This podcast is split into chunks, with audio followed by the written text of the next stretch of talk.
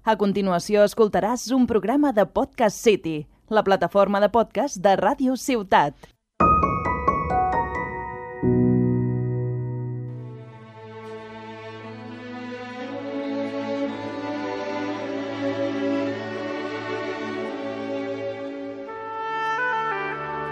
Plenitud a la vida quotidiana, un programa d'espiritualitat pràctica presentat per Jaume Arassa.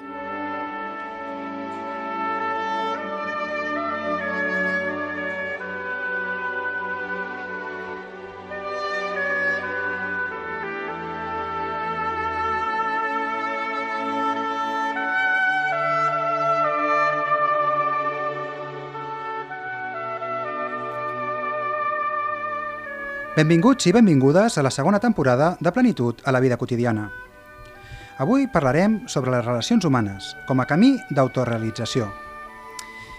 I, tot i que el contacte amb els altres en molts casos ha estat origen d'alguns dels nostres maldecaps, si aprenem a establir-les de manera conscient, ens poden dur a conèixer-nos millor i fins i tot expressar-nos des de l'essència que som.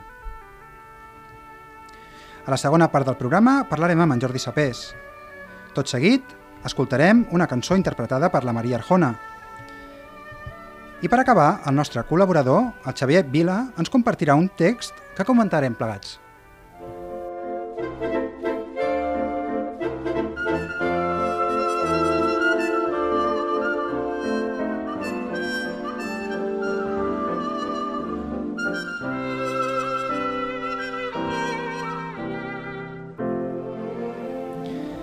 La manera com ens relacionem amb els altres va variant al llarg de la vida.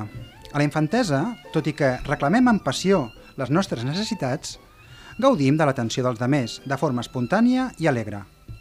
És un moment on es veu molt clar que som un potencial en capacitat de comprendre, estimar i interactuar.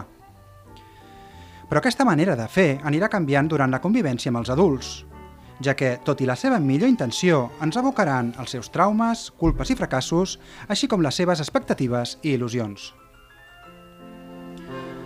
Durant el necessari procés educatiu, en molts casos, s'obviarà el que és l'infant en essència, de tal manera que, inevitablement, un s'anirà separant de si mateix, oblidant-se de qui és realment. Al mateix temps que identificant-se i definint-se amb les idees que li han vingut de fora. Així doncs, a poc a poc s'anirà produint, per una banda, una distància amb el seu fons i, per una altra banda, una divisió amb el camp espiritual que li dóna vida. Tot plegat durà el nen a deixar enrere la innocència, ja no s'acceptarà tal com és, sinó que perseguirà una imatge de com voldria arribar a ser. De manera que es veurà obligat a dissimular els aspectes que considera negatius i ressaltar els que el facin sobresortir.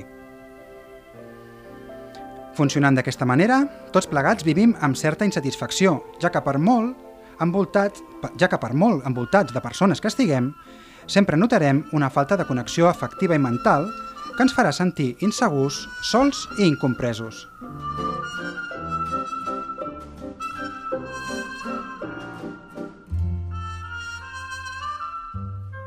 Per això, quan encara només som nens, les relacions amb els adults, en alguns casos, se'ns presentaran com a perilloses i amb les quals adoptarem un estat d'alerta, desconfiança i cautela. Situats en aquest punt, ens passem la vida dubtant, tancats, amb por i tensió, en un bucle repetitiu, jutjant contínuament els altres, criticant-los si ens recorden la idea negativa de la qual fugim i en canvi ens emmirallem si representen l'ideal del que voldríem arribar a ser. Depenent d'això, uns ens cauran molt bé i uns altres molt malament. No hi haurà terme mig. Des del personatge tendim a queixar-nos sistemàticament dels problemes i maldecaps als que estem atrapats. És un conflicte intern, al que no hi veiem camí de sortida. Bé, sí, esperem i forcem que els altres canviïn. Sempre, segons les nostres exigències i amb l'excusa que els estem ajudant. Si veiem això, entendrem per què moltes vegades manipulem allò que ens passa per tal de quedar bé i transgiversem dissimuladament els fets, per tal de que els demés ens considerin persones molt importants. També oscil·larem entre l'acceptació i el rancor, passant de mostres d'afecte a la irritació i la ira. És evident que viure des del personatge ens provoca malestar a nosaltres i als altres i, per tant, cal sortir d'aquí.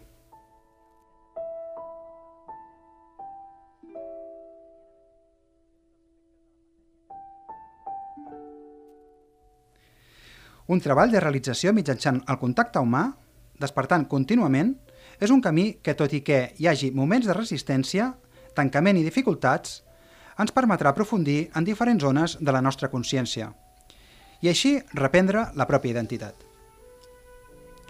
Com ja hem parlat en anteriors programes, la clau és mantenir-se present en tot moment, recolzant-nos a la intel·ligència, afecte i energia que som i quan davant d'alguna persona o situació percebem certa confusió mental, disgust emocional o certa ràbia, aprofitem aquesta senyal no tant per canviar l'altre, sinó per parar, prendre consciència de nosaltres de nou i permetre que el potencial que som ocupi el seu lloc. Així doncs, la relació amb els altres és un aprenentatge del que es pot gaudir. Si m'observo i sóc sincer, puc anar veient en quins moments o circumstàncies tinc dificultats, les quals m'assenyalaran quins aspectes he de mirar amb més profunditat. Per tot això es necessita pràctica i cal anar-ho fent a la vida quotidiana, amb la major autoconsciència, humor i paciència possibles. Passi el que passi, cal estar i ser un mateix del tot. I és que les dificultats són inevitables, com ara el llast de les experiències negatives que hem tingut al passat i que no hem gosat mirar, sentir i notar a fons. Així és com s'han anat perpetuant i ens arrosseguen de nou fora de nosaltres mateixos. Per exemple, si ens hem sentit traïts per una persona a la que estimàvem, a la propera vegada que ens trobem en una situació on haguem d'estimar algú, tendirem a pensar que tornarem a ser traïts. I amb aquesta temor de fons ens les empescarem de mil maneres per tal de tancar-nos a l'altre i així evitar reviure aquest dolorós sentiment. Per tant, en aquest camí cal persistir en l'estat de presència, Sabrem que allò que ens representava un obstacle ja ho tenim plenament integrat quan davant d'una situació o persona ens observem inclosos i ja no en defugim.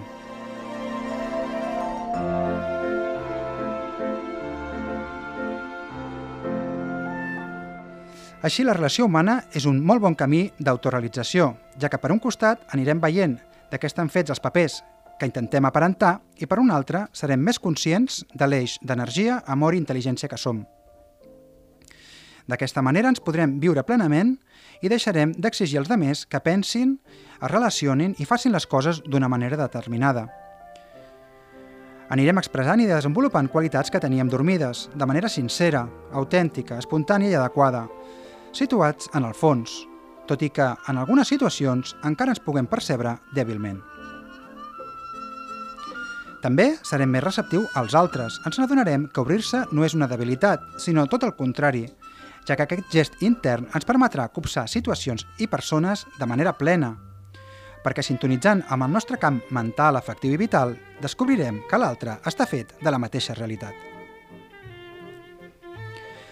Per anar desenvolupant aquest aspecte d'expressió i recepció, d'actualitzar-se, pot anar molt bé quedar amb els amics, escoltar música i fer esport, en el que intervinguin altres persones veurem que cada vegada ens sentirem més sòlids i deixarem de tenir una por compulsiva al judici dels altres.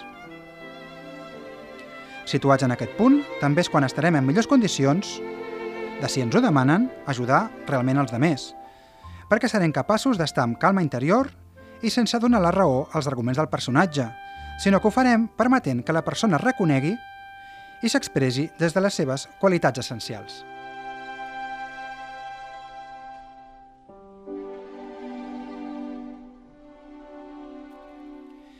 Finalment, si desitgem, ens podem obrir a l'aspecte espiritual, permetent que aquesta força que ve de dalt entri per sobre la nostra ment i ens guiï en base al nostre raonament particular, el que ens permetrà funcionar des d'una ment lúcida i conscient, capaç d'integrar l'interior, l'exterior, alhora que l'inferior i lo superior. Deixant que ens ompli aquest aspecte serem capaços de donar una resposta adequada a les persones amb les quals ens relacionem sense deixar residus ni rancúnies. I veurem que des de l'espiritual podem prestar atenció plena a mi i a l'altre, i fins i tot adonar-nos que l'altre és una dimensió de la pròpia consciència, el que ens permetrà estimar-los, tot i que no els coneguem personalment.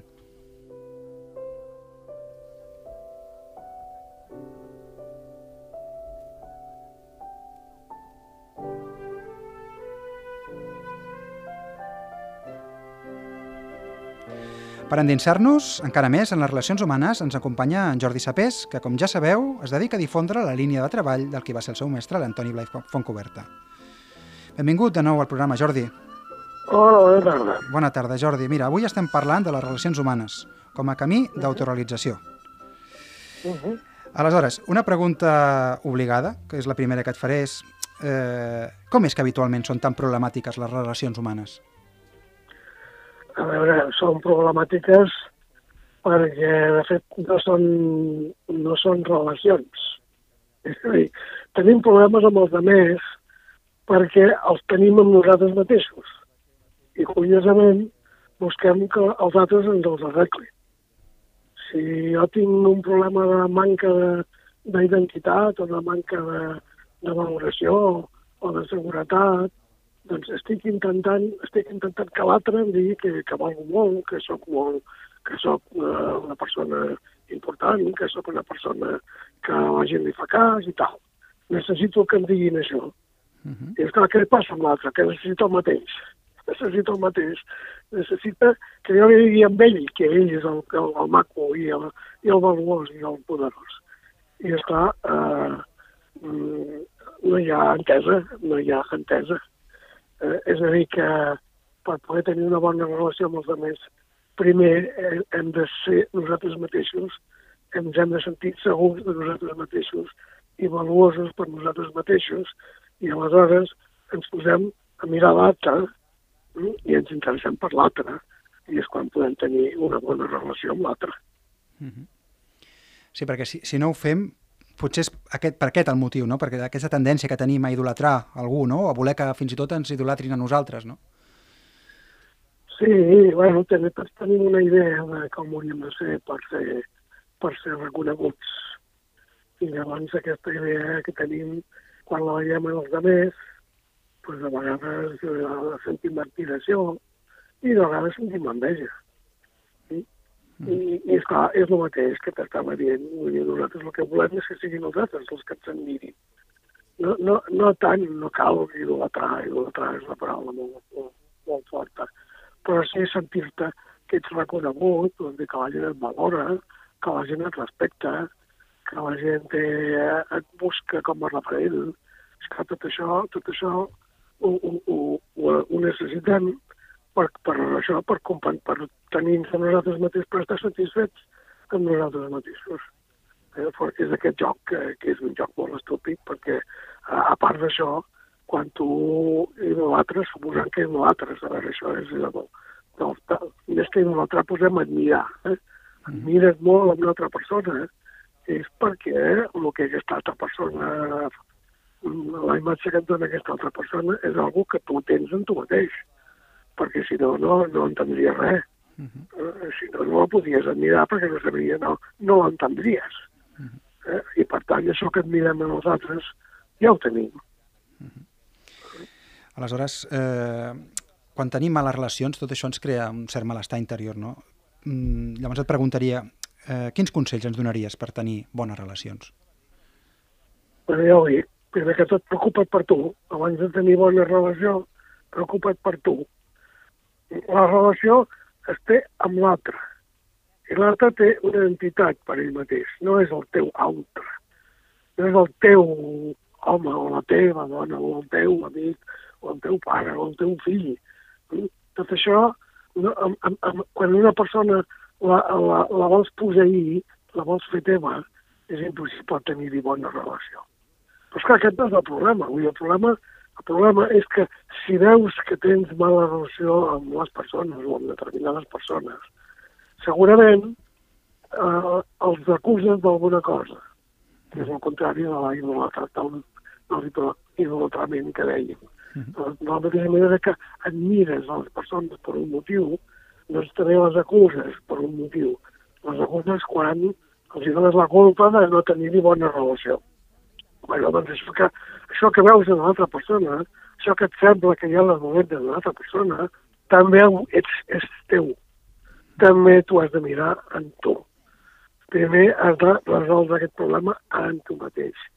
I llavors a partir d'aquí podràs tenir bona relació amb qualsevol persona. Uh -huh. Amb qualsevol persona. Perquè quan tinguis la relació, la miraràs amb ella i la tindràs amb ella. No et miraràs a tu, ni miraràs a veure què et dona o a veure què et treu, sinó que la tindràs amb ella. Que això són les relacions.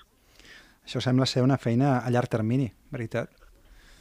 Sí, és clar, més que ser una feina a llarg termini, és que no han de posar allò que diuen el, el, el carro davant dels bous. Eh?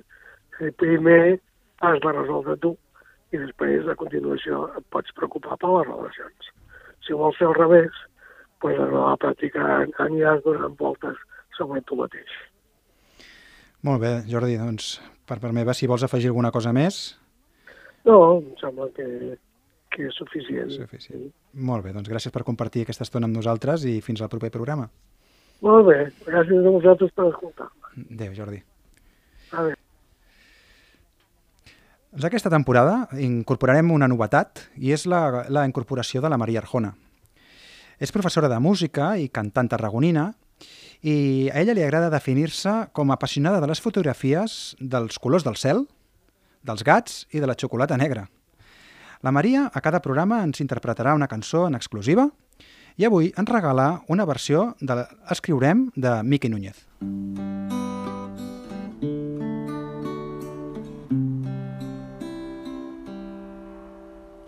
Un nou dia ha començat, neu al teu costat, respires lentament. Un nou dia t'ha abraçat, et lleves i no ho saps, que enyorarem aquell moment. Les casualitats són les que ens han portat a viure aquest present. Que jo no en sóc conscient. Si m'esperes, allà fora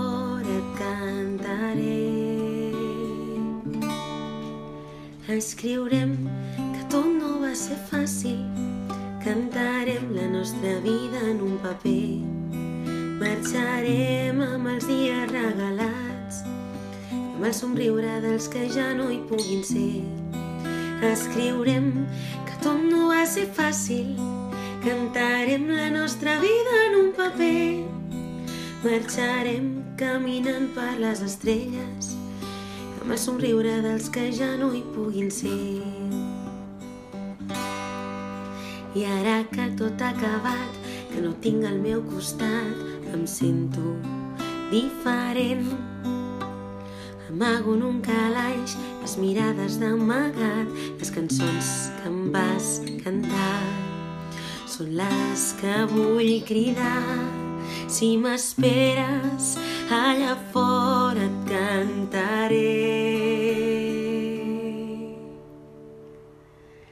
Escriurem que tot no va ser fàcil, cantarem la nostra vida en un paper, marxarem amb els dies regalats i amb el somriure dels que ja no hi puguin ser. Escriurem que tot no va ser fàcil, cantarem la nostra vida en un paper, marxarem caminant per les estrelles amb el somriure que els que ja no hi puguin ser. Oh, oh, oh, oh, oh, oh, oh, oh.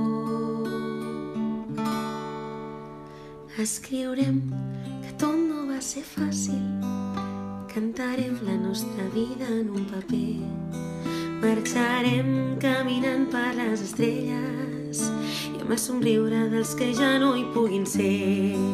Escriurem que tot no va ser fàcil, cantarem la nostra vida en un paper, marxarem caminant per les estrelles i amb el somriure dels que ja no hi puguin ser. Doncs molt bé, després de sentir la Maria, que mitjançant la música té el do d'entrar dins els nostres cors, donarem la benvinguda al programa a un nou col·laborador, el Xavier Vila. Benvingut, Xavier. Gràcies. Mira, en Xavier, al igual que jo, és un apassionat de l'autoconeixement i tindrem la sort que ens acompanyarà tota la temporada. I a cada programa ens presentarà un text. En aquest cas és un de l'Antoni Blai, Així que, endavant, Xavier. Bé, doncs primer de tot, eh, gràcies per convidar-me a participar i a col·laborar en el programa i doncs passo a llegir eh, aquest text del llibre Camins d'autorealització d'Antoni Blai, que diu La realització existencial, aquesta realització en el temps, és un acte profundament social, perquè es tracta de produir un descens d'unes energies superiors a un nivell de la meva consciència personal. I com que la meva consciència personal forma part de la consciència de la humanitat, i com que és una part de la ment a la Terra i en el pla efectiu de la humanitat, llavors aquesta energia superior que es manifesta a través de mi permet il·luminar, impulsar i elevar la vibració d'aquesta consciència humana en general i d'aquest pla mental o afectiu o físic en particular. És una col·laboració a la veritable redempció de la consciència elemental. És una ajuda per a que pugi més i més la consciència del que existeix. Aquest ascens es facilita quan en mi es produeix aquesta presa de consciència que anomenem realització espiritual. Déu-n'hi-do, Xavier, quin text més impactant, no? És, és profund. És profund, sí, sí perquè des d'aquí doncs, podríem extreure no? doncs, eh, com vivim les relacions humanes no? des de, des de l'espiritualitat, un text tan, tan, tan compacte. No? Doncs, doncs sí, té aquesta funció eh, espiritual, aquestes les relacions humanes, en el sentit de que permeten l'ampliació de la consciència, no? de fet, la profundització de la consciència, perquè aquest nivell inferior que dèiem pugui ascendir i realitzar-se, no? esdevenir-se aquesta realització col·lectiva. Sí, sí, i aquí fins i tot explica com, de, com, com es fa. No? Sí, sí, sí. Per, seria de, sobretot donant resposta a cada situació, estan presents, en el sentit que deies abans, sent aquest canal d'expressió d'allò superior, o, o almenys, en la mesura del possible, aquest canal d'expressió. Mm -hmm. Mira, aquest text hi ha una paraula que m'ha cridat molt l'atenció, que si ara tingués aquí al Google, a la Wikipedia, la buscaria, no? que és la paraula redempció. Sí, aquí Antoni Blai es refereix a la redempció en el sentit de consciència, en el sentit d'integració i d'alliberament del patiment derivat de no reconèixer ni viure's en la unitat. Per tant, no es refereix al pecat, a, a, aquest, a aquesta possible a, eh, interpretació, sinó a, a aquest alliberament i, per tant, doncs, a aquest, aquesta permetre's aquest esdevenir eh, i viure's com a unitat. Mhm. -huh.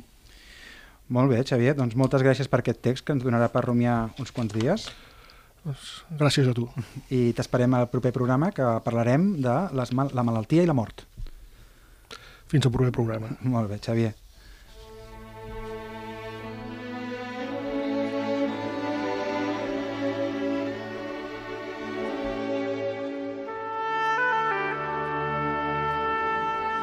Bé, esperem que després d'escoltar el programa d'avui estiguem en disposició de donar pas al nostre jo més autèntic, deixar enrere les pors que ja no necessitem i així disposar-nos a estar el més oberts possibles als altres.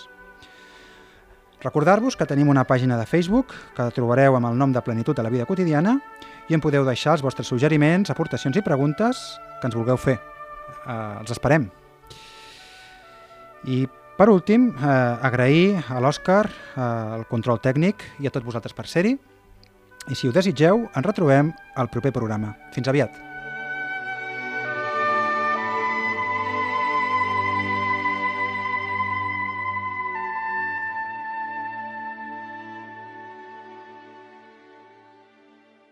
Has escoltat un programa de Podcast City, la plataforma de podcast de Ràdio Ciutat.